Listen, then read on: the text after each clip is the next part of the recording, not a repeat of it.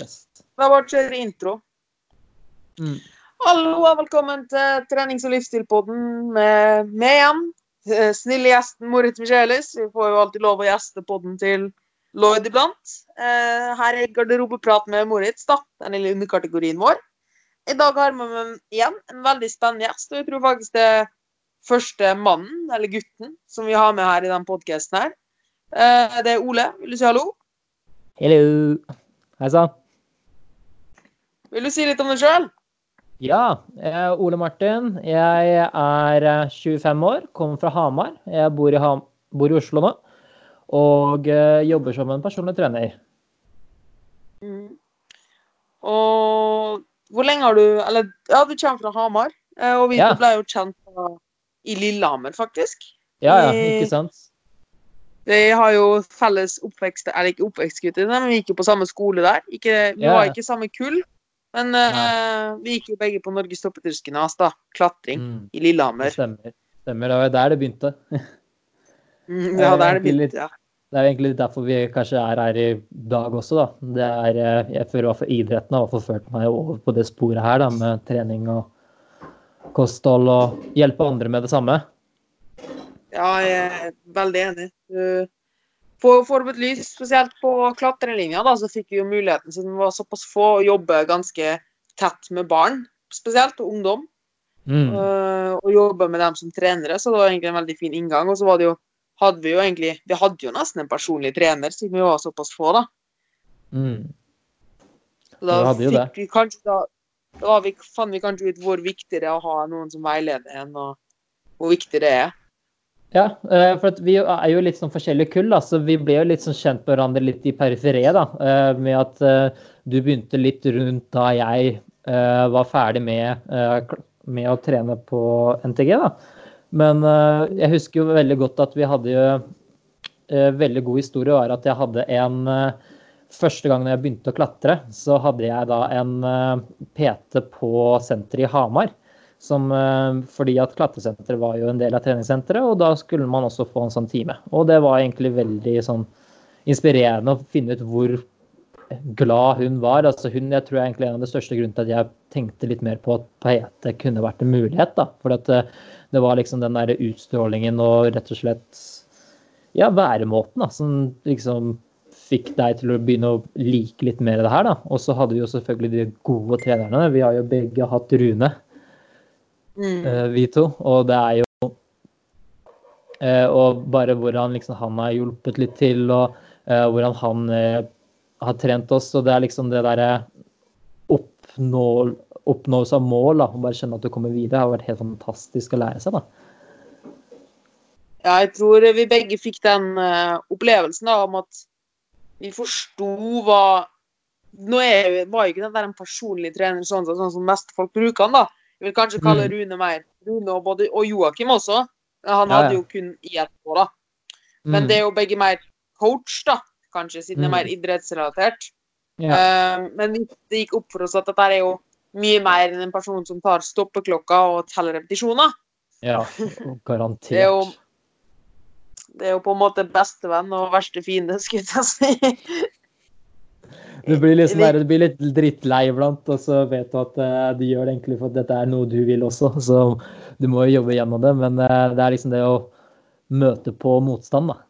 Og Mm. det å jobbe gjennom motstand da, og merke at du faktisk klarer å jobbe gjennom motstand, altså, er kanskje det beste med, eh, med å ha en coach. da, Sånn han utfordrer deg på ting som du faktisk trenger å jobbe med, og fordi at du vil også gjøre det. Treng, om det skulle vært eh, for oss, var jo da klatring. da, Og det å bli bedre på klatring var jo det vi ville mest eh, bli bedre på, og da var det det vi ble utfordra på. Og det er litt det samme som vi gjør nå, bare at vi utfordrer folk på andre ting. Ja, klart. Mm. Så Jeg skrev, fa- skrev faktisk en artikkel om dette her i går. Litt den der at eh, skrev en ganske lang artikkel på nettsida til PT Service om det der vår beste venn og vår verste fiende, og det er jo vår egen hjerne og våre egne tanker. Mm. Og ofte er det lurt å ha noen på utsiden da, som sier til oss at at dette her er det som er riktig, dette her må du gjøre for å nå målene dine, og dette her er kanskje ikke så lurt å gjøre. Mm. Så alt er fint. Fordi vi selv Ja. klarer å rettferdiggjøre for veldig, veldig mye rart i hodet vårt. Ikke sant. Ikke sant. det er veldig mye vi sier til, det er veldig mye vi sier til oss selv, f.eks. sånn Nei, jeg kan ikke trene har jo, Vi har jo liksom litt i en spesiell tid nå, da, pga. Uh, når De fleste treningssentrene er stengt, da, så er det mange som sier at å, jeg kan jo ikke trene nå og lignende. Da. Men da er det sånn nå ja, men er, er, du sikker på det? Og så hva er det du Hvorfor tror du det er vanskelig å gjøre det? Da kan man jo finne ut ting hvordan vi kan gjøre det. Så det er jo litt det Den verste fienden er jo deg selv, da, for man legger jo kanskje lokk på sitt potensial mye før enn det man uh, har egentlig mulighet for. da. Og så har du egentlig det fantastisk store potensialet inni deg som uh, vi kan hjelpe å få ut av folk også. Det er helt fantastisk. Ja, jeg er helt enig. Det, og den gleden du ser hos folk når de skjønner at de faktisk har fått til noe da, som de kanskje ikke trodde de fikk til før. Mm. Eh, det er jo egentlig det som er hovedgrunnen. Mye av ja. grunnen til at de driver med dette, her, er jo det å se den gleden hos folk. Mestringa. Mm. Første gang klarer en pushup. Mm. Det er veldig gøy. Uh, jeg se sånn wow. Seriøst, gjorde jeg det nå? Det er helt ja. fantastisk, den der følelsen. Altså. Men, jo, men, akkurat det på treningsflaten er jo faktisk bare en veldig veldig liten jobb av det vi gjør. Mm. Uh, for det tror jeg også at for å snevre litt inn på noen av temaene vi skal snakke om i dag, uh, er jo litt om jobb, tenkte jeg å ta litt om jobbhverdagen og sånn. Og der er det jo som sagt veldig mange tror at vi bare er på treningsflata, teller repetisjoner, jippi, du klarte den første det og det, noen tok du reps i knebøy, kjempebra. Men egentlig så er vi jo vi er jo samtidig nesten litt Det er kanskje langt ut av vinduet å si, men vi er jo vi er vennen deres, vi er psykologen deres, vi er broren deres eller søstera deres, vi, vi, vi, er terapeuten deres. De snakker jo, altså Kundene våre snakker jo om alt med oss, kostholdsveilederen deres. Mm. Uh, og så er det så mye vi forholder oss til. Uh, jeg har hatt flere tilfeller der vi der jeg må ha samtaler med folk om kvelden der de sitter og gråter, eller forskjellige ting. da. Er, det, blir, det, er veldig viktig at vi får den connection med kundene våre som vi nettopp snakka om, som vi begge hadde en coach. da. Mm. Eh, og få den der, ha en støttespiller som man på en måte betaler for å kunne si alt da, som man ikke kanskje vil si til andre folk. Ja, og det er jo veldig fint det vi gjør også. Vi har jo også eh, det er så veldig fint, vi har jo også taushetsplikt.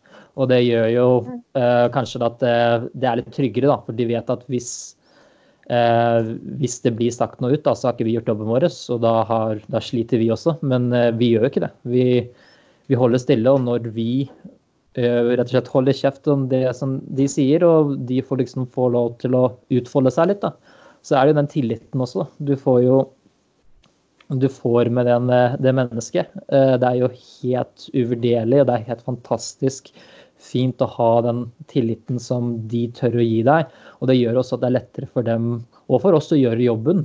Eh, for hvis det, hvis det underliggende er at du har lyst til å gå ned litt i vekt, så er jo det også mye lettere å finne ut av eh, hvis du tør å være åpen nok for den personen som skal hjelpe deg.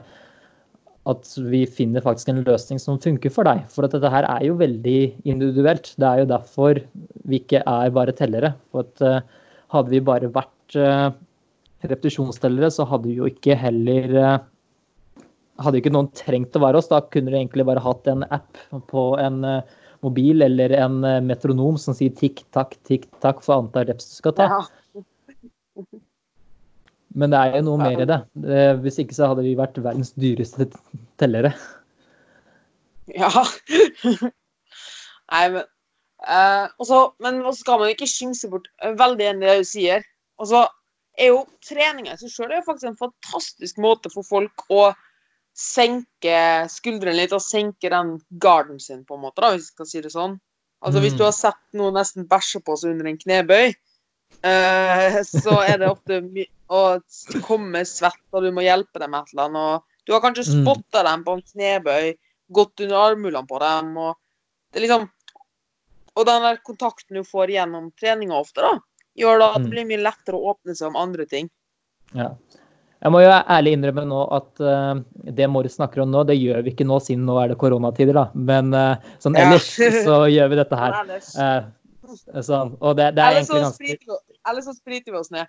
ja, ja. Kommer i, kommer i, drakt for å liksom hjelpe til, da. Men fra spøk til alvor, jeg er helt enig. Det, det å bl.a. få tilliten av personer til at faktisk noen kan ta på deg. At du får lov til å gå inn og justere. Du får, gå, får lov til å liksom røre på Får lov til å ta på skuldrene dine og lignende. For jeg har jo også opplevd flere personer som har den angsten for å gjøre det. Kanskje de har opplevd noe vondt tidligere, og det er egentlig det er helt fair. Det det er livet. Og eh, noen trenger kanskje litt mer tid for å komme seg gjennom de tingene. Og det å faktisk få den tilliten som mange gir, det er egentlig Det høres kanskje veldig banalt ut for uh, Banalt enkelt for noen. Da, at uh, sånn selvfølgelig kan folk ta på meg, men noen er det faktisk ganske reservert for. Og det, det er en veldig god måte å vise at du faktisk stoler på en. da. Absolutt. Eh, og det er veldig fint det du sier med at folk er veldig forskjellige. Og for noen er det en ganske stor terskel til å bli tatt på, da, for eksempel. Eller mm. det høres litt feil ut, men jeg tror folk skjønner hva jeg mener. Ja. Og det tar oss egentlig veldig fint inn på litt det neste sporet at um, ofte så opplever vi at folk er veldig glad i å dømme andre uh, i tingene de gjør, og ser på dem og lager seg et bilde, da. Mm. Uh, og er det noe jeg har erfart både på meg sjøl og folk rundt, så er det at man bør være litt forsiktig med hva man tenker, og folk har veldig mye underliggende. Mm. Og dette er også da veldig veldig viktig å finne ut av dette underliggende, som oss som PT, da, for å da, kunne hjelpe andre folk. Fordi hvis du har en kunde som ønsker f.eks. å gå ned i vekt, da, og den sender matdagbok og spiser kjempefint, men hver lørdag så binger de. Altså spist veldig, veldig store kvanta mat. Mm. På grunn av et eller annet underliggende. Tør ikke å si dette her til det Så må, det er jo et veldig stor ting å faktisk åpnes opp om dette her. Mm. Uh, og du ser kanskje på den personen, og folk dømmer han, og hun, hun eller han er såpass overvektig, eller å herregud, kunne han ikke bare gjort noe med kostholdet sitt? Men så kan hende at denne personen kompenserer med mat fordi han har blitt voldtatt som barn, eller ja, hvem vet? Det, det, er så mye underliggende der, og folk har som regel sitt de sliter med, og da er det veldig ofte vi PT-er da, som er noen av dem som faktisk er dem som blir konfrontert med dette, her, eller må gra grave litt da, for å finne ut av dette underliggende. Mm. Nå må jeg også ærlig innrømme at, eh, at eh, når, du har, eh, når du møter personer med veldig sånne store underliggende problemer, da, så er det også lurt å tenke på at vi har, en grense. Men det å faktisk uh, få dem til kanskje se at det er et problem, uh, kan også være en måte å hjelpe dem på videre. da. Fordi sånn som du ja, nevnte det med kanskje, kanskje, en voldtekt og lignende, så må jeg ærlig innrømme at jeg ikke er kvalifisert til å, til å være psykologen deres for det, selv om vi Eh, fungerer litt sånn som en eh, god samtalepartner for mange, eh, så tror jeg det også er litt utenfor scopet. Men igjen, da. En god PT har jo også veldig, et veldig godt referansenettverk, da, så de kan sende deg til de personene som du faktisk kan hjelpe deg. Og Absolutt. det er det kanskje noe av det viktigste. For det det var et veldig godt poeng, og det var veldig godt at du eh, sa det såpass tydelig. At vi må mm. holde oss innenfor, innenfor våre retningslinjer. Mm. For det, det, er jo én ting som har kommet spesielt nå i disse tider. Eh, så blir jo plutselig alle som har som er influenser på Instagram, har jo plutselig blitt viruseksperter. Ikke sant. Og eh, igjen der, da. Det er utrolig du kan referere til utrolig mye god kunnskap, eh, og det er fantastisk hvis du har den eh, innflytelsen på folk. Det er å kunne referere til andre som kan dette her. Og det er litt sånn Jeg husker eh, Det var faktisk en episode med deg da, hvor du sa Du nevnte noe om at, at før så trodde du at du måtte kunne alt, men vi må ikke det. For det er jo for Hvis vi skulle kunne alt om alt mulig, så hadde vi ikke kunnet nok om det viktige vi skal faktisk gjøre. Og mm. Eh, der er det veldig lurt å tenke at hvis du da har lyst til å lære deg å trene bedre, gå til en som er spesialist på øvelser, nærmest en PT. Eh, en som kan hjelpe deg med å sette deg inn i øvelser som faktisk fungerer for deg. For noen ganger så kan det ikke hende at eh, øvelsen ikke funker for deg. Det er samme som at hvis du da, hvis du da trenger hjelp, så går du til en hvis du er syk og du er blitt forkjøla eller har de symptomene som, vi snakker, som er kanskje nå og de virusekspertene snakker om, så heller si eh, følg de som kan dette sine råd, og vær heller med på at noen ganger så kan hende at du ikke vet alt. Jeg til og med jeg satt og hørte på Uh, en video hvor det var hvor det snakk om at uh, det viktigste man skal ta vare på nå, er uh, sin egen helse. Og så var det folk som begynte å snakke om hvilke matvarer man burde spise og lignende. Men så er det egentlig at Og det, det høres jo veldig overbevisende ut når du har folk som, som liksom kan snakke godt for seg og virkelig, da, men vær litt kritisk til det. Og så gjerne sjekke opp hva folk sier, og det det, da får du egentlig det beste hjelpen, for da finner du ut egentlig hva som ikke er lurt, og hva som er lurt. Og Derfor så refererer vi også ut da, til andre. Mm. Eh, og der tror jeg at det du nevner nå, er et kjennetegn da, som ofte går igjen for folk som Det høres litt sånn clickbaity ut, men hvem kan du stole på, da? Og mm. uh, vi skal aldri lage helt konkrete linjer, men noe av det som går igjen hos folk du faktisk kan stole på og kan referere til, så er det at de er veldig, veldig sjeldent eh, konkret på ting. Det er noen få ting som er etablert, f.eks. at 1 pluss 1 blir 2, eller at kaloriunderskudd er det som skal til for å gå ned i vekt fettmasse. Yes, baby. Uh, det, er sånne, det, er noen sånne, små ting. De er skrevet i stein. Punktum. Mm. Men det, ellers er vi veldig folk som kan det de snakker om, eller er flinke og prøver å forholde seg til det som vi vet, da. De er ofte veldig, eller veldig nyansert og eh, prøver å forklare, eller prøver å si nei, vi vet ikke, men det kan være sånn og sånn, og det kan funke for din del, og sånne ting. Mens folk som er litt mer sånn influensere eller gurus, da, hvis vi skal kalle det, og folk som har veldig bastante meninger og holdninger, og ofte kommer argument som 'men det funka for meg', er ofte folk som man bør holde seg litt unna. Mm. Og det er liksom Det er litt morsomt å tenke på, fordi at eh, når du ser på for Hvorfor er det egentlig sånn at vi følger de bastante meningene? Og da har jeg egentlig funnet ut veldig godt at når noen sier at sånn er det, sånn skal du gjøre, og sånne ting, da, så blir du litt mer betrygg. Oh, ja, sånn, og hvis du høres overbevisende ut, så er det sånn her, da virker det sånn at du har en, en trygghet da, for folk Eh, for liksom favoritt, Favorittsvaret mitt på ting er jo 'det kommer an på'. Og eh, det er jo mm-hmm. kanskje ikke det svaret Det er det svaret kundene mine liker minst at jeg sier. For at eh, jeg sier ja, hvor, hvor lang tid tar det før jeg går ned de 20 kiloene? Det kommer an på, da. Det kommer an på hvor mye Hvor høyt kaloriinnskuddet ditt er. kommer an på hvor mye om du, får, om du faller av planen for mye, eller det kommer an på Eh, om vi må gjøre mye justeringer, eller det kommer an på rett og slett om du er klar for det. Det er, det er jo egentlig veldig mye forskjellige ting eh, som man må se på, men det er liksom eh, Det er bare det å finne ut av de tingene som vi kan finne ut. For jo mer informasjon vi vet, jo lettere er det å bli litt mer spesifikk. Men å høre på en guru som sier at Sånn funka det for meg. Ja, han var, eh, kanskje, han var kanskje to meter høy allerede, og han veide 150 eh, Han veide kanskje 50 kg mer enn uh, Sigrid på 1,50 som uh, som veier 60 kg. Da. Og da har du en veldig stor forskjell på hvordan du skal gjøre. Og hvis han sier da ja, men jeg kunne spise da 3000 kalorier, så funker ikke det for Sigrid på 1,50 og 60 kg. For hun, hvis hun spiser 3000 kalorier, så går hun opp i vekt.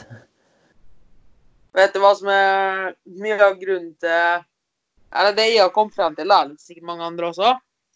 Det er jo primært det at folk vil jo bli fortalt nøyaktig hva de skal gjøre. Mm. Eh, for da kan de bare følge en liste, og de har ikke ansvar for det de gjør. For da kan de si ja, men vi fulgte lista, og det funka ikke.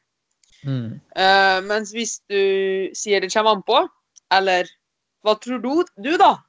Mm. Så må de faktisk uh, gå inn i seg sjøl og finne ut hva som er underliggende, og de må jobbe med seg sjøl. Og det er dem sjøl som har ansvar for det de gjør, da. Mm. Og jeg tror veldig mange folk liker ikke det. De vil, ja. Det er jo rett og slett ansvarsfraskrivelse. Det er derfor kostholdsplaner er så populært. Det er derfor sånne poppis treningsprogram er så populært. For du kan bare gjøre det, og så kan du bare Nei, men det var, jeg gjorde det, og det funka ikke. Mm. Mm. I stedet for at du faktisk må sette det ned I stedet for at du uh, må sette det ned og faktisk finne ut hva som er underliggende problemet. da, Hvorfor er det der du er, og hva må du faktisk gjøre? Fordi vi hater jo å innse at vi har gjort noe feil, eller at vi har et problem. Mm. Og hadde vi gjort alt det riktige, så hadde vi ikke kommet til det steget, eh, steget hvor du kanskje trengte å ha den hjelpen. Da. Men det å faktisk komme til det steget og finne ut av hjelp, det er en kjempefin eh, Det er en kjempestort eh, stort steg for mange, og det er egentlig det må vi også berømme, at de faktisk turte å komme dit. Nå er det Men det er også starten på arbeidet. Og det er Mm. derfor vi må jobbe mer med disse tingene og finne ut mer hva er det som fungerer. fordi at det vi vet, er at eh, Hvis vi snakker om det vi vet, så vet vi at eh, det er noen lover som snakker om at eh, eh, Som kalles termodynamikk. Da. Eh, rett og slett, Det er det vi snakket om at eh, hvis du skal ned i vekt, så må du gå i kaloriunderskudd. Og det er rett og slett for da utøver du mer varme enn det du faktisk eh, tar inn i deg, som kan gi deg varme. Og eh, det igjen, da, det vet vi stemmer. Og Derfor så er det sånn at alle dietter kan fungere så lenge de funger, eh, følger det prinsippet. Men hva er det som fører, fører til at du ikke holder på den prinsippet nå? Og det er kanskje litt Det er faktisk litt sånn at jeg kjenner noen ganger på at eh, Å, herregud, eh, nå føler jeg at jeg gjør feil iblant.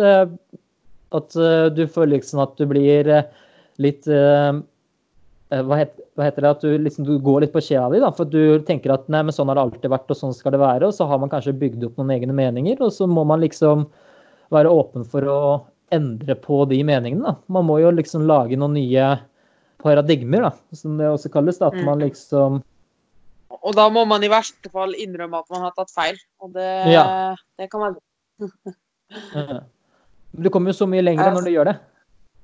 Mm. En veldig fin analogi jeg pleier å bruke på nettopp dette her, det er at um, La oss si at du har noen da, som har et eller annet mål. Mm. Um, la oss si vet, Eller har noen issues, eller vedkommende er litt overvektig, da.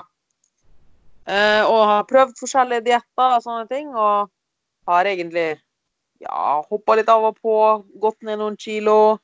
Kanskje vedkommende har gått ned kjempemye vekt en gang. Eh, trent kjempebra, men alltid hoppa av og på. og Noe funker, noe funker ikke. Har aldri satt seg inn i det. Bare hoppe på nye poppis-dietter, pulverdietter, sånne ting. da. Kostplaner. Mm. Det den vedkommende gjør, det er jo egentlig at han er i et rom med lyset slått, slått og bare driver og støvsuger rundt, eller driver med et kosteskaft. Eller la oss si at vedkommende skal male, ja, vedkommende skal male rommet, og lyset er tå, så det er helt svart i rommet. Ingen lyd. Og driver og maler. Og er hun heldig, så klarer hun å male en vegg helt perfekt. Men hun har null peiling hvordan hun gjorde det, eller hva hun gjorde. Den bare ble hvit. Og så akkurat som sånn med dietter og sånne ting. Er du heldig, så går det. Men hvis du vil gjøre en god og strukturert jobb, og vite hva du gjør, så bør du kanskje bare skru på lyset på, i rommet. Eh, og det er litt samme dietter og sånne ting. At du eller dietter og generelt målsetting, da, at du skrur på lyset i rommet for å se hva som er problemet. For å se hva du ikke har malt ennå. Mm. Det er litt sånn vi har i idretten nå, at vi har jo det Vi har en eh, arbeidskravsanalyse. Og det er rett og slett hva er kravene for å oppnå, eh, oppnå de ferdighetene som skal til for å bli best i denne idretten. Og så har du da også en eh, Og da må du også gjøre analyse av eh, dine nåværende ferdigheter. Og det er litt sånn det Det er det vi snakker om nå med å skru på lyset. Vi skal jo finne ut hvilke ferdigheter vi må jobbe på for at du skal få til dette her. Det er jo eh, Som regel er det ting som kommer igjen og kommer igjen og kommer igjen. Men, og de finner vi eh, lettere ut. Noen ganger er det kanskje litt vanskelig å ikke skjønne det, og da er det deilig å ha noen som kan hjelpe oss med å tolke litt på det kartet for hvor du skal gå. Men det er jo egentlig ikke et kart som passer Ja. Ikke sant? Vi trenger noen som kan skru på lysbryteren for deg. Og da er det mye da- lettere å gå målretta inn og se hvor man ikke har malt veggen ennå, og male Stemmer. veggen der, i stedet for å Stemmer. gå rundt evigheta. Er man heldig, én person klarer kanskje å male hele rommet uten problem. Mm. Uh, mens en annen går rundt og maler samme veggene igjen og igjen. Og Mm. det er jo det som er med jojo-slanking, Eller folk som prøver et eller annet, men kanskje får halvveis resultat, men hopper alltid på og òg. Mm. Og det, det er jo på, på en måte så er det jo den tyngste veien å gå og skru på lyset. Fordi folk må forstå hva de gjør, og hvorfor de gjør det. Og hvorfor de gir resultat. Mm. Men det er jo tungvint, og derfor vil jo ikke folk gjøre det. Det er det. Det er jo det. Det er jo veldig gøy å se på hvordan vi kan uh, det, altså, det jeg liker å tenke på, det er at uh, noen ganger så tar du bruker veldig mye tid på én liten ting for å finne det ut. Og uh, av og til så er det sånn at vi blir, sånn, vi blir fort lei, da, for vi har egentlig bare lyst til å bare komme til målet. Det, for det, det vi har lyst til å gjøre til slutt, er kanskje da å få det i vi snakker mye om vekttap nå, men det kan også funke med at, å gå opp 10 kg i muskelmasse, og det kan også fungere for å gå ned, eh, gå ned 20 kg. Men igjen, det, samme er at eh, jeg har de målene mine jeg skal eh, finne ut av. og jeg eller jeg har de målene jeg skal nå, men det er liksom prosessen eh, du, eh, du må fokusere på. For det er den som kommer til å sende deg til det målet. Og det er liksom det samme som at eh, når du først har fått litt øye opp på hva du skal gjøre, og du plutselig har fått lyset på, så vet du at OK, da må jeg kanskje begynne på, uh, på vestveggen først, og så går jeg over til, eh, til sørveggen, og så går jeg over til østveggen, og så tar jeg nordveggen til slutt. Nordveggen er kanskje litt større og litt vanskeligere, for den er litt sånn for taket er sånn skrått oppover her, så jeg må jobbe litt mer. Men da vet jeg i hvert fall hvordan jeg skal klare det, for da kan jeg bygge opp, et, da kan jeg bygge opp eh, med å lære meg hvordan jeg skal strekke meg mer på de andre veggene, til jeg kommer til da nordveggen, som er den tyngste, og da jobber jeg litt hardere på den. Og når du liksom har fått opp det lyset, og du kan se videre, da har du plutselig en vei som funker for deg. Det kan godt hende at eh, det kan godt hende at eh, kompisen din Steinar har en annen har en annen utforming på huset sitt. Og det er ganske normalt også, at man har kanskje at han, begynner, at han kanskje begynner med nordveggen, for det er den letteste veggen. eh, Og, han, og hans tunge vegg er sørveggen, så han må kanskje jobbe seg hardere på den siden. Fordi at du skal kunne jobbe deg videre på de tingene som er vanskelig for deg. Og når du har liksom fått opp lyset, det er da, først da du kan se hvor du skal begynne å jobbe. Mm. Veldig fint sagt. Og så er det jo Men problemet er jo at når man da skrur på lysbryteren i starten, så ser man at alle veggene er umalt. Mm. Uh, mens når lysbryteren er tå, så Så en ting er jo at man ikke må se så langt frem. Man bare gjør det man prøver. Eller man Mm. gjør det man gjør. Og, men når du har den planen som du snakker om, da, hvilken vegg du skal male først, og hva du skal gjøre, så har du en fin du har en fin vei, du vet hva du skal gjøre, du er sikker på det du gjør. For det aller største som vi ser som er problemet med folk, er at folk er usikre. De vet ikke hva de skal gjøre, og som du nevner, de ser på andre. Og ser på hva andre Mm. gjør. I stedet for å bare Mm. holde seg til sin plan. Mm. Fordi realiteten er jo at alt kan funke. Men det som er viktigst, Mm. er at du, fortsatt at du fortsetter med det. Det har jo ikke noe å si Mm. om du starter med nord- eller sørveggen eller vestveggen. Du må bare finne ut hva som funker best for din del, for ditt rom, for din, for Mm. din livsstil. da. Ja. Og så Og er det lettere for deg å begynne med den ene veggen, så er det lettere for deg å uh, Hvis det er lettere for deg å begynne på vestveggen, så begynn på vestveggen. Herregud, uh, så- så lenge du kommer deg gjennom alle veggene, så går det. Ja. Og ikke begynn med å male list, ikke begynn med å male dørkarmene og vinklene og sånne små flekker og sånne ting. Det er sånne ting der helt til slutt, men folk blir ekstremt opphengt i bitte små detaljer. Vi får jo nesten daglig spørsmål om uh, hvilke kosttilskudd er best for det, eller skal jeg ta 10 eller 12 repetisjoner, eller bør jeg spise 25 eller 20 gram protein? eh, til det og det måltidet, eller bør jeg ta den eller den ta, det eller det tacokrydderet, for det ene har mer sukker enn det andre. Det er sånn, herregud, du har ikke etablert en matrutine engang. Du sover som en drittsekk med fem timer om natta. Eh, og du kommer og spør hva kosttilskudd du kan ta for å ha mer energi på trening. Mm. Jeg har et veldig godt eksempel her. Uh, jeg snakket med moren min i Jeg snakket med moren min her om dagen, jeg tror det var i går. Og eh, kjæresten hennes har, han har litt problemer med vekten. Så han har nå, endel, han har nå begynt å komme til en uh, vekttapsinstitusjon for å faktisk jobbe med dette her. Og mamma lurte litt på ting hun skulle hjelpe ham med. da.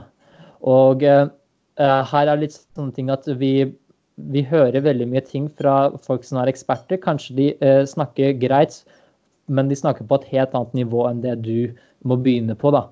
Og her var det veldig snakk om at Eh, først og fremst så Det vi snakket om, var at det var kaloriene som måtte ned da, for at det her skulle begynne å bli et vekttap for eh, kjæresten hennes. Og eh, da var det sånn at hva er det vi kan prøve å spise, da? Og da, da sier jeg du kan jo prøve, prøve, å spise grønnsaker, for det er lavt med kalorier. Sånn noe. Ja, det var han enig med. Sånn, noe. Sånn. Prøv masse rotgrønnsaker, sa jeg. Nei, du kan ikke spise rotgrønnsaker, sa hun. Og hvorfor ikke? Ja, men det, det har jeg hørt er dårlig. Det, det, kommer jo til folk til å uh, For det er jo rotgrønnsaker er jo farlig for vekta. Og igjen her, da. Uh, det er litt det samme som at det er egentlig ikke det. For, nå, for det er akkurat sånn som, akkurat som, du sa, Moritz. Du begynner å male listene før du begynner å se på de store tingene. De store tingene er det totale kaloriinntaket ditt. Så kommer kanskje litt mindre ting, som er kanskje hvor mye proteiner er det du får i deg for å holde deg mett. Og så kommer kanskje det der med eh, Og så kommer det enda flere ting. da, Sørge for å få i deg nok mineraler, vitaminer og lignende, sånn at du fungerer, fungerer, mer optimalt. Du får nok søvn, så du ikke, virker, uh, du ikke er mer fysen, og du får, eh, får deg til å begynne å småspise som du spiser mer kalorier. For igjen, kalorier er veggene. De skal du male. Og de må du male først, før du kan begynne å gå på listene.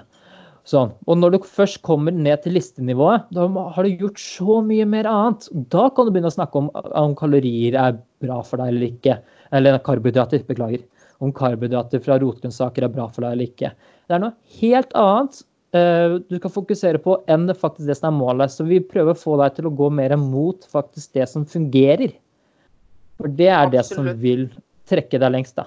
Begynn med vi begynner med det tyngste lasset, og så kan vi heller gå og hente smågrusen først. Etterpå. Ja. Altså, men jeg tror vi som Jeg kaller oss noen fagpersoner. Vi er jo for så vidt det. Men vi er jo veldig glad vi er, vi er, jo glad i å diskutere. Um, og så er det noen ting som ikke er vits å diskutere på. Uh, som vi nå nevnte, f.eks. Kaloriunderskudd det er ganske sikkert. Så dette her er ikke noe som får så mye oppslag. Fordi vi ønsker jo å diskutere andre ting som er litt mer nyansert. F.eks. om du bør spise karbohydrat, eller om hvor mye du bør ta ti eller tolv repetisjoner. Um, eller, om du, ja, eller om du bør rot, spise rotgrønnsaker eller ikke. Mm. Uh, for dette her er ting som er veldig individuelt, og her finnes det mange argumenter for og imot. Og dette her er jo det vi liker å diskutere. Detaljer. Mm. Uh, men, og, men, når vi da diskuterer det, så er det jo det som det, og det som får mest oppslag, så er det jo det som virker som det er viktigst for folk som ikke har peiling, da. Mm. Men det er jo egentlig bare vi som eh, liker å kverulere på småting. Eh, det er samme som hvis du har to byggere da, som skal bygge hus. Mm. Så er de ganske sikre på hvordan huset sånn generelt skal se ut, hvor varmekablene skal ligge, grunnmuren, hvordan den er bygd opp, sementblandinga og sånne ting. Men så er det noen småting at kanskje hvordan, da? Eh, hvordan man skal ta sikringskretsen, eller eh, hvordan vinduene skal være vendt i forhold til sola og sånne ting. Der har de sikkert litt små diskusjoner. Men det hjelper ikke, eller mm. hvilke tak, takstein en skal bruke. Men det hjelper ikke å diskutere sånne ting når folk ikke er enige om det grunnleggende. Og hvis det mm. grunnleggende ikke er på plass, så blir man bare mer forvirra. Og når man driver på med det ser etter sånne detaljer, da. Og jeg tror det der gjør, vi, gjør nok vi, da, som driver mye på, på, sosiale medier og sånne ting, og spesielt forskere og sånn, eh, mm. er nok litt for glad i å diskutere detaljer i offentligheten. Ja, jeg er helt enig. Du kan liksom tenke deg sånn at for, eh, Hvis vi drar den her litt, hvis jeg skal sette litt på spissen da, eh, med å bygge et hus da, du, eh, Når vi driver snakker om de der antall repetisjoner og rotgrønnsaker og sånne ting, da, det er det samme som å kjøpe gardiner før du har satt opp veggene. Mm -hmm. Veldig Du- trenger ikke gardiner nå, du trenger plank. Du trenger, du trenger spiker og trenger å slå inn de der eh, trevirket ned og feste det fast i grunnmuren, sånn at du kan sette opp den veggen, for å så sette inn vinduene, for å så hente glavet og isolere.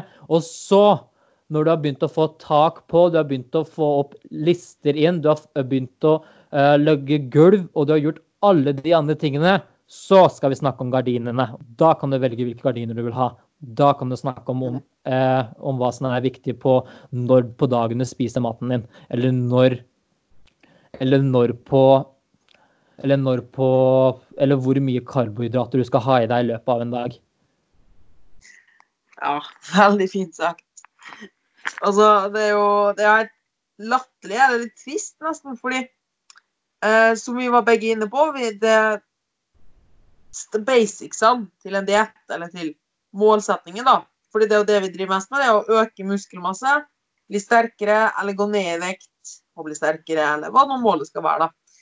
Og det Mm. er egentlig ganske grunnleggende, de tinga som man skal gjøre der. Um, så det er ikke så gøy å snakke om, egentlig. Så mye. Det er heller ingen som snakker om vi driver ikke, Matematikere går jo ikke rundt og diskuterer 1 pluss 1. Fordi Nei. 1 pluss 1 er 1 pluss 1. Uh, men Men hvis du ikke kan gangetabellen av 1 pluss 1, så er det ikke vits å hoppe på andre diskusjoner. Når du da ser to astrofysikere da, som driver og diskuterer matte, så får du jo helt noia og bare Nei, jeg skal aldri drive på matte igjen. Mm. Men du har jo ikke grunnlaget engang, så det er ikke rart at du syns dette er komplisert. Og Derfor tror jeg også at veldig mange syns at kosthold og trening er ekstremt komplisert. For de ser, de ser kun hva veldig avanserte folk gjør, hva de snakker om, og de skjønner ikke bæret. De ser ingen sammenheng. For Mm. de har ikke grunnlaget. De, de, de snakker to forskjellige språk. Så da får man den der som heter fint på engelsk 'paralysis by analysis'. For de går og henger seg opp i detaljer og skjønner ingenting og blir frustrert, vi, og så gir man opp fordi man ikke får det til. Fordi vi, Mm. Det er én ting mennesket elsker, så er det jo mestringsfølelse. Vi vil jo få Mm. til ting. Mm. Og da gir de opp hele greia. Bare fordi de ikke visste om de skulle ta kreatin monohydrat, eller eh, eh, om de skulle ta kreatin før eller etter trening. Eller fordi de ikke kjørte det perfekte treningsprogrammet. Selv om det hadde hatt mye mer igjen av å bare faktisk gjøre noe. Sånn, hva, tror du, hva tror du kommer til å gi deg best muskelvekst? Å ta keratin hver dag, eller at du faktisk spiser nok proteiner sånn at du, og du trener regelmessig? Må jo helt klart på eh, kreatin. Kreatinkongen, ass. Sånn. Nei da. Nei, det blir nok eh, det å holde på jevnlig. Mm. Mm. Det er å holde på jevnlig. Og, eh, så, men for eksempel for deg, da. Du holder jo på jevnlig. Du trener eh, du trener omtrent eh, Du har en god kontinuitet i treningen din, så du vet at du kommer til å få inn i hvert fall en fi- fire-fem økter i løpet av uka, kanskje mer. Og det gjør du på regelmessig basis lenge. Og så har jeg også snakket litt med deg. Jeg vet at du, du får i deg nok med proteiner, og du får med deg nok med kalorier, sånn at det gjør at du faktisk kan få den vektøkninga du ønsker for å bygge muskler. da, eh, lignende. Og i og med at du gjør alle disse tingene, og du er veldig flink med å holde disse tingene, da er det liksom eh, Men siden du har fokus på de viktigste tingene, som er de tingene vi snakket om nå, så kan du kanskje legge på kreatin, da, siden du er så flink med alle de andre tingene. Men hvis du tror at, kreat at kreatin i seg selv skal hjelpe deg med å bygge muskler, så tar du litt feil dessverre der, da. For det er som, det er som regel til syvende og slutt eh, de mest grunnleggende tingene. Det er det at du, du setter opp veggene før du begynner å trekke på gardinene. Tenke på gardinene. Mm. Ja, veldig fint. Og så er det at grunnen til at dette her er Og du er jo også veldig flink på treninga og maten. Og mye av grunnen til at vi er såpass flinke på det, da, er jo fordi dette her krever ikke særlig mye av oss lenger, fordi vi har såpass kontroll. Men det har vært en lang, lang prosess. Og det er litt det jeg mener med at du ikke skal sammenligne. Å ja, men han trener jo syv ganger i uka, ja, men han spiser sånn og sånn. Ja, men du vet ikke hvor lenge han har holdt på. Nei. Altså, du kan, du, Du, må, du kan ikke bare sammenligne med andre som er på et helt annet nivå, eller har holdt på, på noe, med noe helt annet. De kan jo heller ikke begynne å spille fotball nå og bli sur fordi de ikke er like god som Messi. Alle ser det, å men når du, om, når du snakker om at de skal gå fort ned, eh, alle skal gå ned i vekt, så går det litt bort der, da. Men igjen, da, det er bare viktig å huske på det her, da, eh, det du nevner nå, med at eh, du, du blir ikke Messi om du har spilt fotball tre ganger. Du blir jo heller ikke uh, sånn Du blir jo ikke Du blir ikke tynn av å spise en salat. Ja. Sånn du blir ikke tjukk av å spise én McDonald's-burger, men du blir tjukk av å spise uh, flere McDonald's-burgere med god kontinuitet over lengre tid, fordi du spiser mer enn det du faktisk forbruker. Og Mm. igjen, da. Eh, du blir tynnere når du faktisk begynner å velge ut kanskje å ha mer salat. Du prioriterer disse tingene som gjør at du faktisk kommer til lavere kalori eh, for, eh, lavere kaloriinntak enn f.eks. det andre eksempelet her. da. Og det er det som er så fantastisk, at vi får jo til disse tingene her hvis du fokuserer på det. Og når du tenker på andre da, som har jobbet veldig mye her, så sier de at det går jo så lett for dem, og eh, dette her er ikke vant for meg.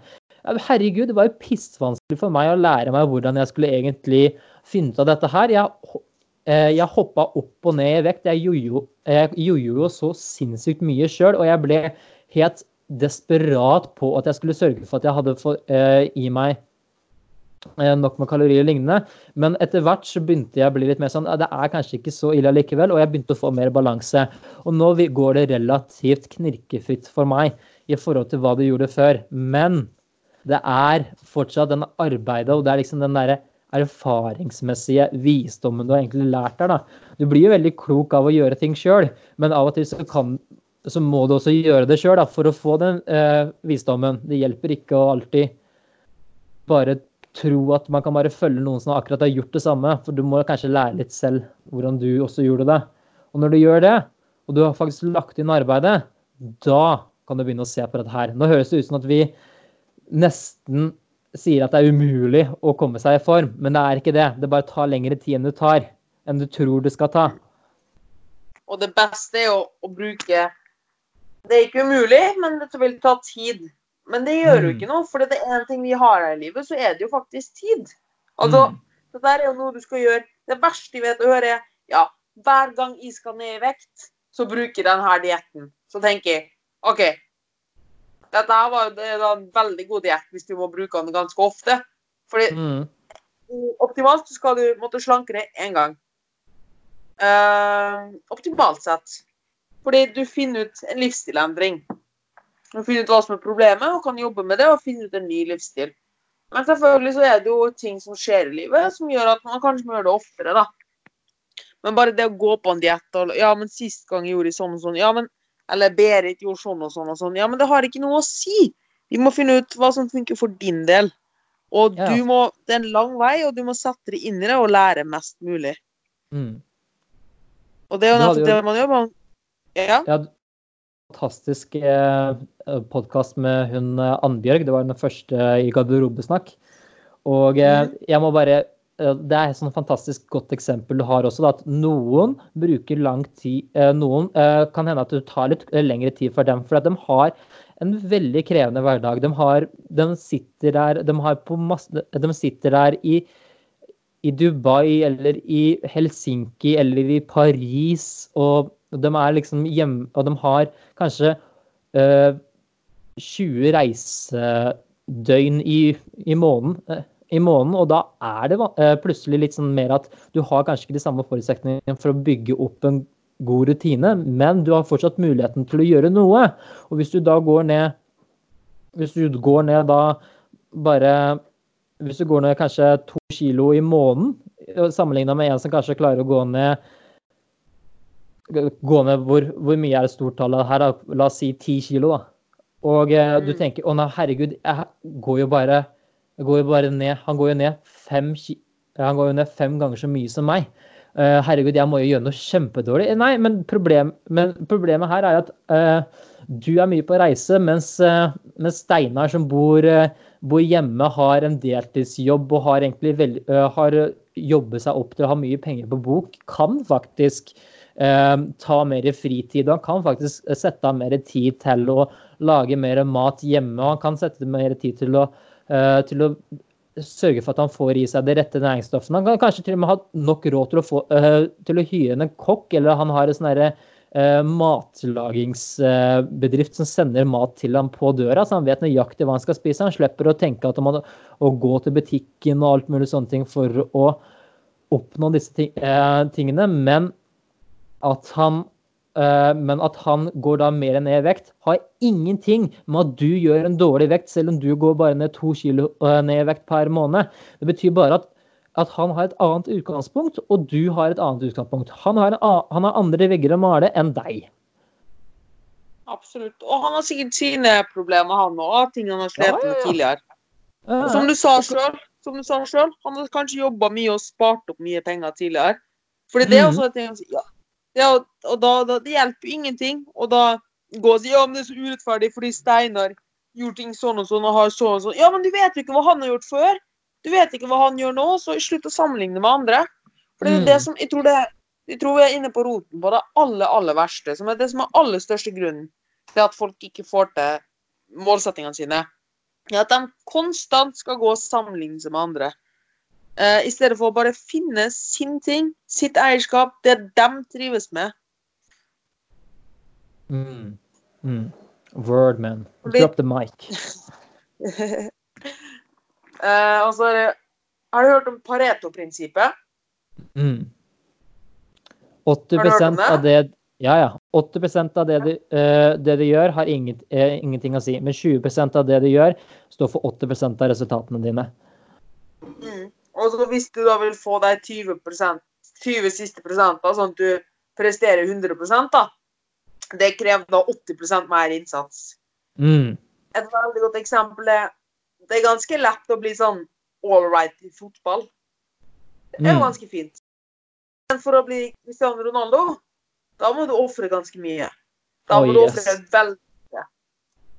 Og da så du bruker egentlig 20% på å gå litt på løkka, ha noen jevnlige fotballtreninger, ha det gøy. Og du oppnår egentlig 80% Du blir en ganske god fotballspiller. Men for å bli den beste, for å bli 100% så er det så sinnssykt mye mer jobb som må til. Og det er mm. akkurat samme at hvis du vil ned i vekt, eller bygge muskler, eller hva det nå enn er Det skal egentlig ganske lite til for at veldig få ting du må gjøre. En veldig mm. liten innsats for å få ekstreme resultat. Men hvis du med mm. en gang hopper på for å få denne 100 så føler du at du må legge inn så mye mer arbeid enn det du får igjen for. Og da er det veldig lett å hoppe av. For det, man, man, det blir, regninga blir på en måte feil, da. Man jobber oh, yes. så mye og får igjen så og så mye. Mm. Det er litt morsomt, ja. det er litt morsomt det du snakker om nå, for det det vi snakker om uh, nå, er jo veldig mye de der uh, tingene med at uh, du, du, legger merke til at når du får en ny kunde som er litt sånn nybegynner på alt, i kosthold i og i trening, og så begynner du å gjøre små justeringer, og det skjer masse ting på en gang. Mm. Og så sitter jeg noen ganger og tenker der sånn der, fy faen, skulle ønske jeg kunne ha de der resultatene. Jeg også, også. Herregud, jeg kunne liksom gått opp i muskel, bygge så mye muskler på så kort tid sånn som de gjør, eh, gjør, i starten. Da. Men igjen, da. Det er jo det at eh, jeg har jo gjort disse her eh, For nå Men det, de har jo begynt å gjøre de 20 -prosentene. De har begynt å gjøre de eh, prosentene som gir de største forandringene på tid. Da. Det er litt sånn som at eh, fremgangskurven flater jo ut over tid. Og eh, hvis du er i et annet punkt på den fremgangskurven, så betyr det at du må kanskje innstille deg på at ting tar litt mer tid. Uh, sånt. Og det er fortsatt sånn der, Du fortsatt tenker litt sånn her, for jeg har et veldig godt eksempel at jeg har en kunde da, som gikk fra å ikke kunne ta en eneste dips. Han, vi, bygde, vi kjørte, begynte på, med sånn dips i sånn dipsmaskin og hadde hjelp på 35 kg.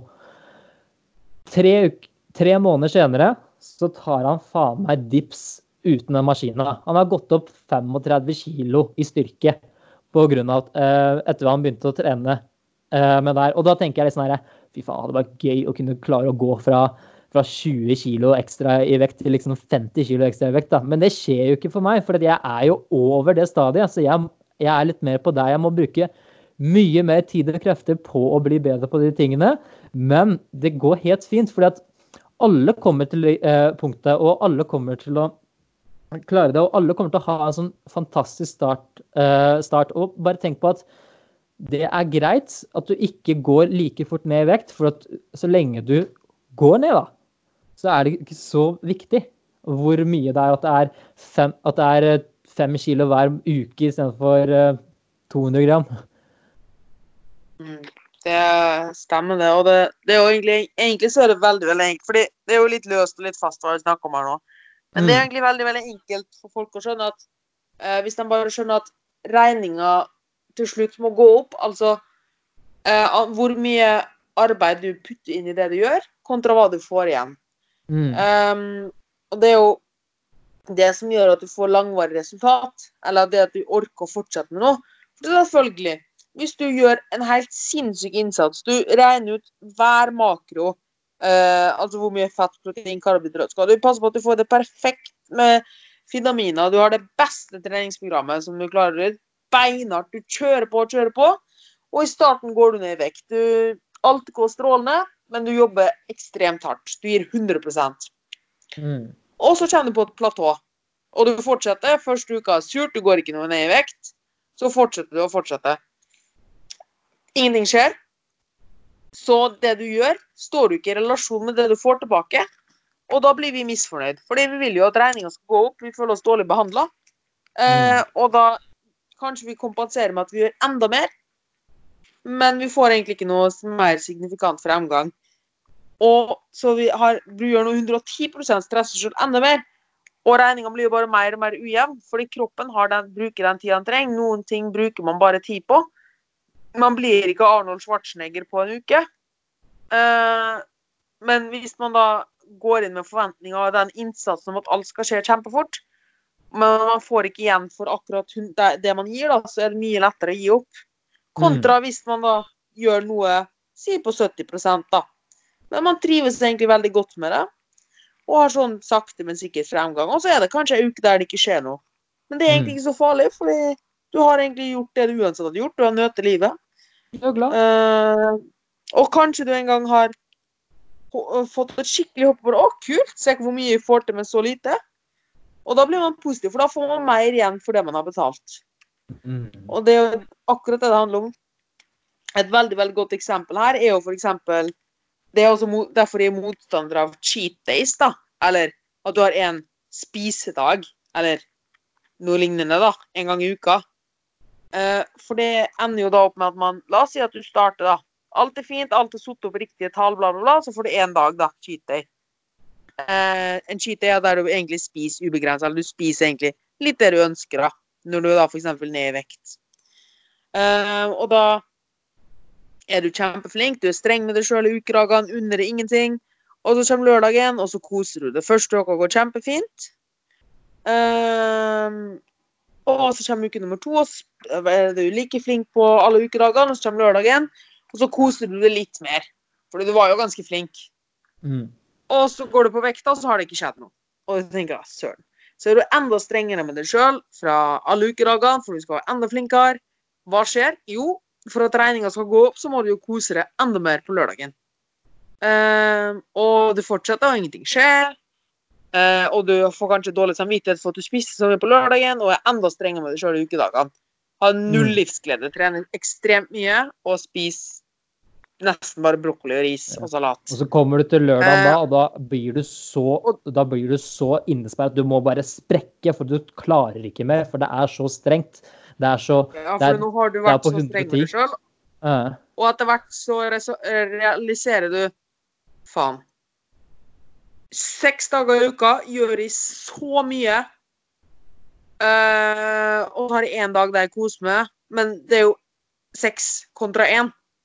Mm. Uh, og du merker at regningen går ikke opp, jeg går ikke ned i vekt, og det der er bare dritt. Mm. Og man gir opp. Og så er det normalt, mm. altså, hvis du gjør noe Du kan ikke forvente at desto mer innsats du gjør, desto fortere går ting. Det er ikke alltid sånn det funker. Ref, ref det vi snakka om med Pareto-prinsippet. Det, mm. du, alt må ikke være optimalt. Det er mye bedre at det du gjør, er langvarig, og at du trives med det du gjør. Fordi ting tar tid. Kroppen bruker tid, uansett hva du gjør. Mm. Og det er jo mye bedre å ha litt fremgang, men faktisk ha det ekstremt gøy med det man gjør, og trives i livet, kontra det å ha det helt jævlig, og kanskje ha litt bedre fremgang. Ja. Litt sånn sånn her at hvis du da har en plan du kan følge som er suboptimal, vil alltid være bedre enn en optimal plan du ikke klarer å følge. Tenk på det. Tenk på litt det, eh, vi snakker, eh, det jeg sa nå, at hvis du gjør ting 70% av hva du virkelig klarer å få til, men du er 100% glad, mot at du kjører 100% og du er 20% glad, så er det så mye bedre resultater du kommer til å gjøre. For jeg skal garantere deg at hvis du er 100% glad, kommer du til å gjøre det 100% av tiden. Er du, 70%, er du 20 glad, kommer du til å gjøre det 20 av tiden. Mm. Veldig godt sagt. Og um, det er jo um, At eh, folk er så utålmodige og tror liksom at at ting må være ille. At hvis de vil få til ting, så må ting være ille. Jeg har jo kjempeofte fått inn folk som sier f.eks. at men du bør ikke trene mer, bør ikke spise mindre. For de har liksom opplevelsen at hvis de skal gjøre en forandring, så må det bli tungt. Kjempetungt. Men det er jo det minste vi vil gjøre, er jo at ting skal bli tungt. For da klarer de ikke å opprettholde det over lang sikt. Det vi vil, er at det skal være lettest mulig. Mm. Herregud, til og med ikke en bodybuilder. Altså sånne folk som går på scenen og viser glutes, skulle jeg si. Viser hud. Viser rumpa si. Ja, viser rumpa si. Eh, til og med dem har du ikke tungt i dietten sin. Og de ser ut som avmagra bikkjer. Unnskyld til alle som er bodybuildere der ute, men det er, altså, de har veldig lav fettprosent. da. De er veldig muskuløse, men har ekstremt usunt lav fettprosent. Og de er kanskje glad i å gjøre det de gjør, da. Eh, Sånn nå. Ja, Fordi til og med dem, da. Jeg beklager at jeg tar over for deg der, altså. Men eh, til og med dem gjør, eh, gjør noe de liker. Kanskje fordi de liker å ha den der følelsen av at eh, det er eh, Det er jo det en er en kunst. prosess, da. Det er en, ja, det er en kunst for dem. Det er en kunst for dem, og det, det er det de liker. Og det er å ta av seg hatten for at de vil faktisk gjøre så mye at eh, Gjøre så mye for å oppnå de målene sine. Det er veldig fantastisk.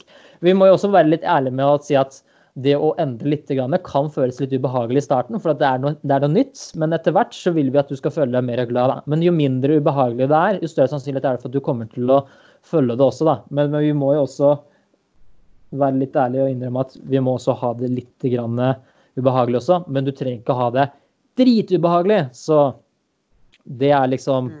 Jeg tror det er det du Etabler, også. ja, etabler Mm. små ting før du går videre. Og for å komme tilbake til disse bodybuilderne, da, som jeg har ekstremt stor respekt for dem, det skal mye til. Um, Mm. Og mye å ha trening til, ikke minst, og disiplin. Men til og med dem har det ikke særlig tungt. De sliter ikke å opprettholde dietten sin. De har det ikke tungt for de siste to ukene før de skal på scenen. Mm. For de har funnet noe som funker for dem. De tar så god tid. De planlegger ofte i et år i forveien. dem. Mm. Så så de vet, de vet jo når det blir tungt, de. Så de er forberedt på de, vond- eh, på de mer tøffere tidene også. Det er de må ta kanskje litt mer tak og kanskje holde litt mer ut, for de er vant, eh, de begynner mer vant til det. Så vet jeg at ja, det kommer en bedre periode senere, og så har du kanskje litt mer flyt, så du har litt mer overalt glede, da. Og da spør jeg også Da spør jeg ofte kunder, da. Hvis de har det så Hvis ikke de har det tungt engang, hvorfor skal du ha det tungt? Det det er jo helt hinsides. Altså, hvorfor skal, hvis de ikke har det tungt, når de går så lavt i fettprosent, hvorfor skal du ha det tungt når du skal gå ned noen, for, noen, kilo og komme til en sunn vekt? Det, Mm. det strider jo mot alt. Altså, hvorfor skal du spise strengere enn det de gjør? For det får folk som sier til meg ja, men jeg har dårlig samvittighet for å spise det og det, eller ja, men jeg spiser så og så lite her og der. Så det Du må faktisk ikke ha det så tungt. altså Selvfølgelig du må ta små grep, og det er det vi presiserer. Små grep. Eh, du kan også gjøre en hel omveltning, hel omvelting, men da må du være klar for det. Da må du være klar for det mentalt. Da må du jobbe med det lenge. Mm. Og Eh, det er ofte for en hel helomvending. Ja, fortsett. Mm, For eksempel, um, La oss ta med, for eksempel, da. Uh, eller la oss først ta en røyker. Det er noe som er litt enklere å ta. Noen som har røyka veldig lenge. Mm. Jeg er helt for at den personen, og jeg har snakka med mange, som går helt cold turkey. Altså at de slutter med en gang. Eh, De Mm. trapper ikke ned, de slutter. Og grunnen til at de gjør det, det er ikke at de får den ideen en morgen at nå skal jeg slutte. Det er fordi de kanskje har gått i årevis og tenkt ah, søren, å, jeg hater å røyke, og gått med den dårlige samvittigheten, men fortsatt å røyke. Helt til de kom til et punkt at da var de lei. Da var de mentalt klar for å gjøre en forandring. Mm. Og den mentale klarheten kan jo hos noen være at de oppsøker nettopp en PT. da. Mm. At de har gått så lenge og er lei. Eh, og Derfor hjelper det ikke at noen fra utsiden sier til deg at du må gå ned i vekt, eller du må legge på det.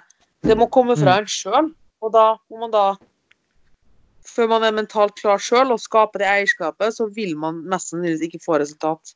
Det at noen Mm. sier noe til deg, hjelper veldig sjeldent. Det, det er helt enig det er helt enig. Så lenge du For det ofte er det sånn at du, du sitter her og tenker at eh, å, kanskje jeg burde gjort noe endringer. kanskje jeg gjort eh, sånt noe. Og Hvis du da har jobbet deg gjennom det, gjennom det veldig mye, og du kjenner at liksom til syvende og slutt nå åpner det seg opp for at eh, Plutselig så har du kanskje fått en uh, annen jobb hvor det plutselig var mye mindre stress. og bare sånn der, å herregud, sånn noe, men Og så har du liksom sitte hodet inne i en trykko... Det føles som å sitte inne, hodet inni et, inni en trykkoker i kanskje fire år med liksom høy stressjobb og sånt, men plutselig så er det sånn at du bytter jobb, eller du får en promote... Eller du blir forfremma på jobb, og du kommer deg videre, og du liksom får liksom roe deg litt mer ned, og så bare kjenner du bare sånn Wow. Nå har jeg liksom tid, nå har jeg liksom energi, nå har jeg liksom krefter til å gjøre det også. Og da er det kanskje mye lettere for deg også å begynne å ta de valgene. Mm. Uh, men nå må vi være litt forsiktige at vi ikke får folk til å tro at ting bare skjer. Mm. For det er altså noe jeg opplever veldig veldig ofte, at ja, men det ordner seg. Det er en kommentar jeg hører veldig ofte. Ja, men det ordner seg. Tenker, Mm. Nei, hvorfor skal det det? Du må, det er ikke sånn ting bare skjer i livet. Du må faktisk, det er veldig sjelden at du vinner i Lotto, pleier jeg å si. Du, du må faktisk gå inn og gjøre en forandring sjøl for at noen skal forandre seg. Du må faktisk gå inn og ta den konflikten. Ting ordner seg det er ikke bare av seg sjøl. Du må Mm. gå inn, skru på lysbryteren, se hvor problemet ligger, og begynne å jobbe strukturert med det. Mm. Uh, og der jeg tror jeg aller mest folk sliter, er å ta seg Det er egentlig det som er det mest grunnleggende av alt, er å ta seg sjøl i nakkeskinnet og se, konfrontere seg sjøl med problemene sine. I Mm. stedet for å lete etter unnskyldning eller si ja, men jeg har en stressa jobb. Ja, men Berit gjorde sånn. Ja, men sånn og sånn. Ja, men jeg driter om du har en stressa jobb. Jeg driter jo om Berit gjorde sånn. Jeg driter om Cristiano Ronaldo er god i fotball. Det er ikke det det handler om. Det, må Hva gå inn kan og du se. gjøre? Hva kan, kan du, du gjøre, gjøre? og, ja, og hva, hva slags plan kan jeg legge for meg? For at, ja, ikke sant? Du driter jo om uh, hvor god uh, hva Berit har gjort, du driter om ditt og datt sånt noe. Og hvis du ser litt mer på hva egentlig uh, flaks er, og, og sånne ting er, så jeg, pleier jeg alltid å kalle det for at flaks er der din forberedelse møter muligheter. Så hvis du plutselig øyner en mulighet, du har jobbet mye med deg selv for du har tenkt at å herregud, nå har det vært så vondt, det er så tungt, det er så ille og alt mulig sånt, og du begynner å bli drittlei av å ha vondt i kneet eller et eller annet sånne ting, eller du begynner å bli drittlei hvordan, eh, hvordan man føler seg, og eh, at man liksom er sliten hele tiden og stressa og føler seg liksom eh, uvel eh, når man ser på seg selv, og så kommer det til et punkt da, hvor du plutselig får en mulighet til bare sånn der, å, nå kan jeg gjøre det. Sånn. Det, er, det er egentlig bare det det er. Du har jobbet med deg selv, og du må ta deg litt i planen. Og når du legger den planen, og du får en slagplanen, så vil ting gå. Men du må liksom jobbe litt for det, og du må se litt mer inn i deg sjøl. Det er vanskelig å gjøre dette her uten å ha Uten å, uten å gjøre noe. For hvis du, ikke, hvis, hvis du ikke hadde gjort noe, så er det akkurat det samme som du gjør ellers. Da bare lar det ting, ting gå på autopilot. For det er autopiloten nå som har fått deg dit du er nå. Vi må sette inn nye koordinasjoner. Vi må lage en ny autopilot for deg for at du skal komme videre. Mm. Det der, folk må innse at Du må alltid først innse at du har et problem. Og det er ikke det at nå har jeg innsett at du har et problem, nå skal jeg fikse det. Man går ofte og går rundt med det problemet ganske lenge før man Mm. faktisk gjør noe med det. Men man, det er en prosess, som du sier. Man må jobbe med det underveis. Men det starter alltid med at man må innse at man har gjort noe feil, at man har et problem, eller at man har forbedringspotensial. Mm. Og det Det er ikke betyr ikke at blir- du er ille selv om du har et problem. Beklager at jeg avbryter igjen, jeg bare blir så gira. Oh, ja, nei, men, ja, men alle har jo et problem, og det er jo Mm. som du sier. Og hva du definerer som problem, problem? betyr Hva du betyr, definerer som Ja, beklager. beklager. Nå, nå ble det mye snakke på hverandre. Det, det jeg skulle si, da, var at eh, selv om, eh, selv om du må finne ut hva som er problemet ditt, betyr ikke at det er noe galt med deg. Du er fortsatt en helt fantastisk person. Du er et helt fantastisk menneske, og du er helt fantastisk sinn. Bare for gjør, eh, bare for at det er noe som er litt dust som skjer når, når situasjonene blir sånn, det, det skjer med alle. Alle har noe som skjer litt dust med deg, men du er fortsatt en nydelig person. Du er ikke, du er ikke et problem. Du har ikke et problem, eh, selv om du er eh, Selv om du Du er ikke, selv om du har det. Selv om du gjør noe dumt, så betyr ikke at du er dum. Det betyr ikke at du har et problem, det bare betyr at vi må ha Vi vet en liten ting som må endres og kanskje løses. Veldig fint sagt. Det er jo hva du sjøl definerer som problem, som du sier. Det, det betyr jo ikke at det er hva du definerer som et problem, eller hva du ønsker å gjøre noe med. Det har jo ingen andre noe med. Altså, Mm. eh, og det, For noen kan det være et problem, for noen andre ikke. Et kjempetåpelig eksempel er jo for eksempel min del. Jeg sliter jo med at jeg trener, eller jeg har trent alt altfor mye og alt altfor tungt. Og Mm. andre sier ah, herregud, har du for et flaks du har, da, at du kan trene så mye. Ja, ikke sant? Noen hadde jo sagt at der, hvordan kan det være et problem å trene for mye? Og så er det, jo, det er faktisk et problem for min del. Det hindrer Mm. meg, og jeg vil jobbe med det. Men dette her er jo helt irrelevant for noen andre. Og, men jeg merker at dette her plager meg i hverdagen, og at det hindrer for målene mine. Og det er det som er viktigst. Man må gå inn og se ok, er dette her noe som irriterer meg, er dette som står i veien på meg, for målene mine, for målsetningene mine. Ja, da er det et problem. Men hvis de trives med det jeg gjør, eh, hvis det ikke påvirker meg på en negativ måte innen helse, eller mentalt, eller omfeltet mitt på en negativ måte, Ja. så må du faktisk ikke gjøre noe med det. Mm. Det er Det er kun du sjøl som kan definere, og det må komme fra deg sjøl, eh, som kan definere om du har et problem eller ikke, og hva du kan gjøre med det. Mm. Og her er det jo igjen folk som blåser dette her ut av Beklager at de fortsetter så fort nå, men her er det jo igjen folk som blåser dette her til helt sjuke proporsjoner. Nå har jo kommet det nye ting med f.eks. health at any size. Det Mm. er noe av det Grunntanken er kjempefin. Ja, du må ikke se sånn og sånn ut for å være sunn. Men ikke kom her og da, med dine 150 kilo, og, eh, 150 kilo på 170 cm og dans med en Freia melkesjokolade mens valkene dine går rundt. Du er per definisjon ikke sunn. Altså, du gjør, ikke, du gjør noe destruktivt med kroppen din. Du kompenserer for et eller annet. Uh, og slutt å prøve å si at dette her er normalen. uh, for det er det ikke. Så vi kan jo også si annet her da, at uh, hvis du har dette her, hvis du er, hvis du tenker helt at en i size, du er 150 kilo, og du sprader ut med, med melkesjokoladen. Det, helt, det går helt fint for meg, det. Det kan godt sprade så mye rundt, uh, du vil rundt med den sjokoladen, men ikke kom her og si at det er sunt, for det er egentlig ikke sunt. For hvis du virkelig hadde tenkt, å, uh, tenkt at det å være health uh, og ta vare på deg selv, så hadde du ikke kommet til det punktet. For hvis du har disse problemene, jeg kan garantere deg at jeg kan mest sannsynlig ikke hjelpe deg med alt mulig du sliter med da. Jeg kan hjelpe deg med å vite, vise deg hvordan du skal komme deg ned i vekt, men jeg tror du må også jobbe litt med noen vrangforestillinger, noen vrangforestillinger man kan også ha.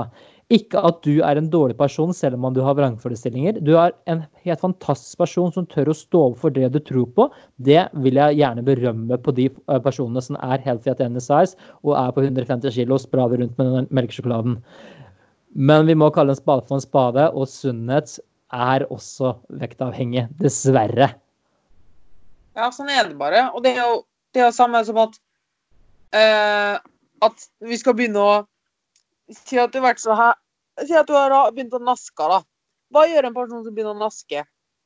Jo, vedkommende begynner å finne på unnskyldninger og forklaringer i hodet sitt, da, som justify, eh, hva det heter på norsk. Eh, Um, finner på unnskyldninger for hvorfor du skal gjøre det, hvorfor du får lov til å gjøre det. Ja. Så du gir deg selv lov til å gjøre det fordi at Ja, ja, men eh, eh, det er jo sånn at de tjener så mye, peng de tjener så mye penger på butikken uansett, så det gjør ikke noe om jeg tar litt grann selv, eksempel. mm, så i, stedet for å snakke om problemet, da, eh, så finner man for unnskyldninger. I stedet for å reflektere over Nei, dette er faktisk ikke greit.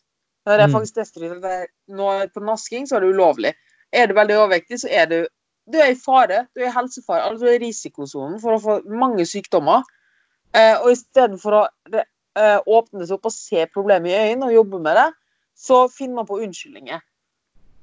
Mm. Eh, og det er dessverre noe som går igjen på alt. Eller for eksempel eh, noen som sliter med å gå ned i vekt, da. Eh, som da faktisk ikke er helseorganisert, men faktisk vil gå ned i vekt. Men skylder på eksempel at ja, men de har så stressa jobb, ja, men de har så stressa unger, ja, men de får ikke tid til å trene. Liksom, slutt å lete etter unnskyldninger i livet. Prøv å finne ting, løsning i stedet. Alle kan Mm. lete etter unnskyldning konstant.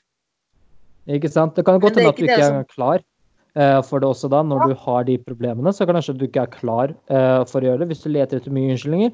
Men du kan ikke komme her og si at du kommer ikke til å klare det bare pga. at du finner på unnskyldninger. Så det er også veldig fint. Da. Beklager, bekla beklager at jeg avbrøt deg igjen. Jeg, så, vi kan, jeg kan si det på en annen måte her, da. Jeg og Moritz er veldig, veldig, veldig opptatt av disse tingene her. For vi, vi ser hvor viktig disse tingene er for alle. Vi mener ikke å liksom være sånn dømmende på folk nå. Det kan kanskje høres sånn ut, for vi, vi blir så gira. Vi blir sånn at vi avbryter hverandre. Vi blir nesten litt sånn derre hva, hva skal vi nesten kalle det? Litt sånn uhøflig mot hverandre, for vi avbryter hverandre så mye. Men vi gjør dette her fordi at vi, vi er veldig, veldig glad i folk, og vi er veldig, veldig glad i å hjelpe folk på den måten vi, vi har valgt å hjelpe folk på, og det er bl.a. nå med å hjelpe folk med vekt, det er å hjelpe folk med å bli sunn, eh, med å leve et sunnere liv, og det er å hjelpe folk med å ta bedre valg, og det er faktisk å hjelpe folk med å se eh, hvordan man kan ta bedre valg.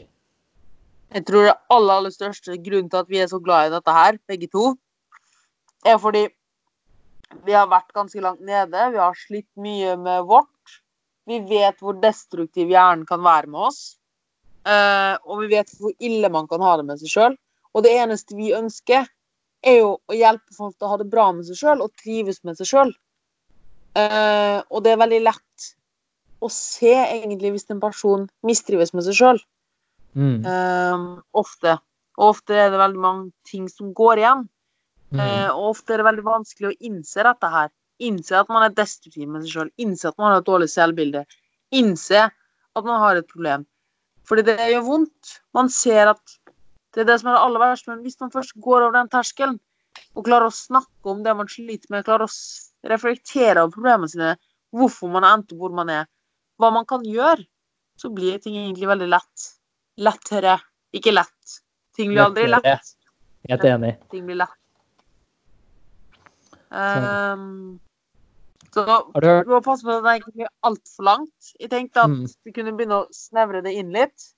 Ja, det burde Hvis vi kanskje. du, hvis du hadde nå En person når det kom til det Vi skal stille deg to spørsmål til slutt her.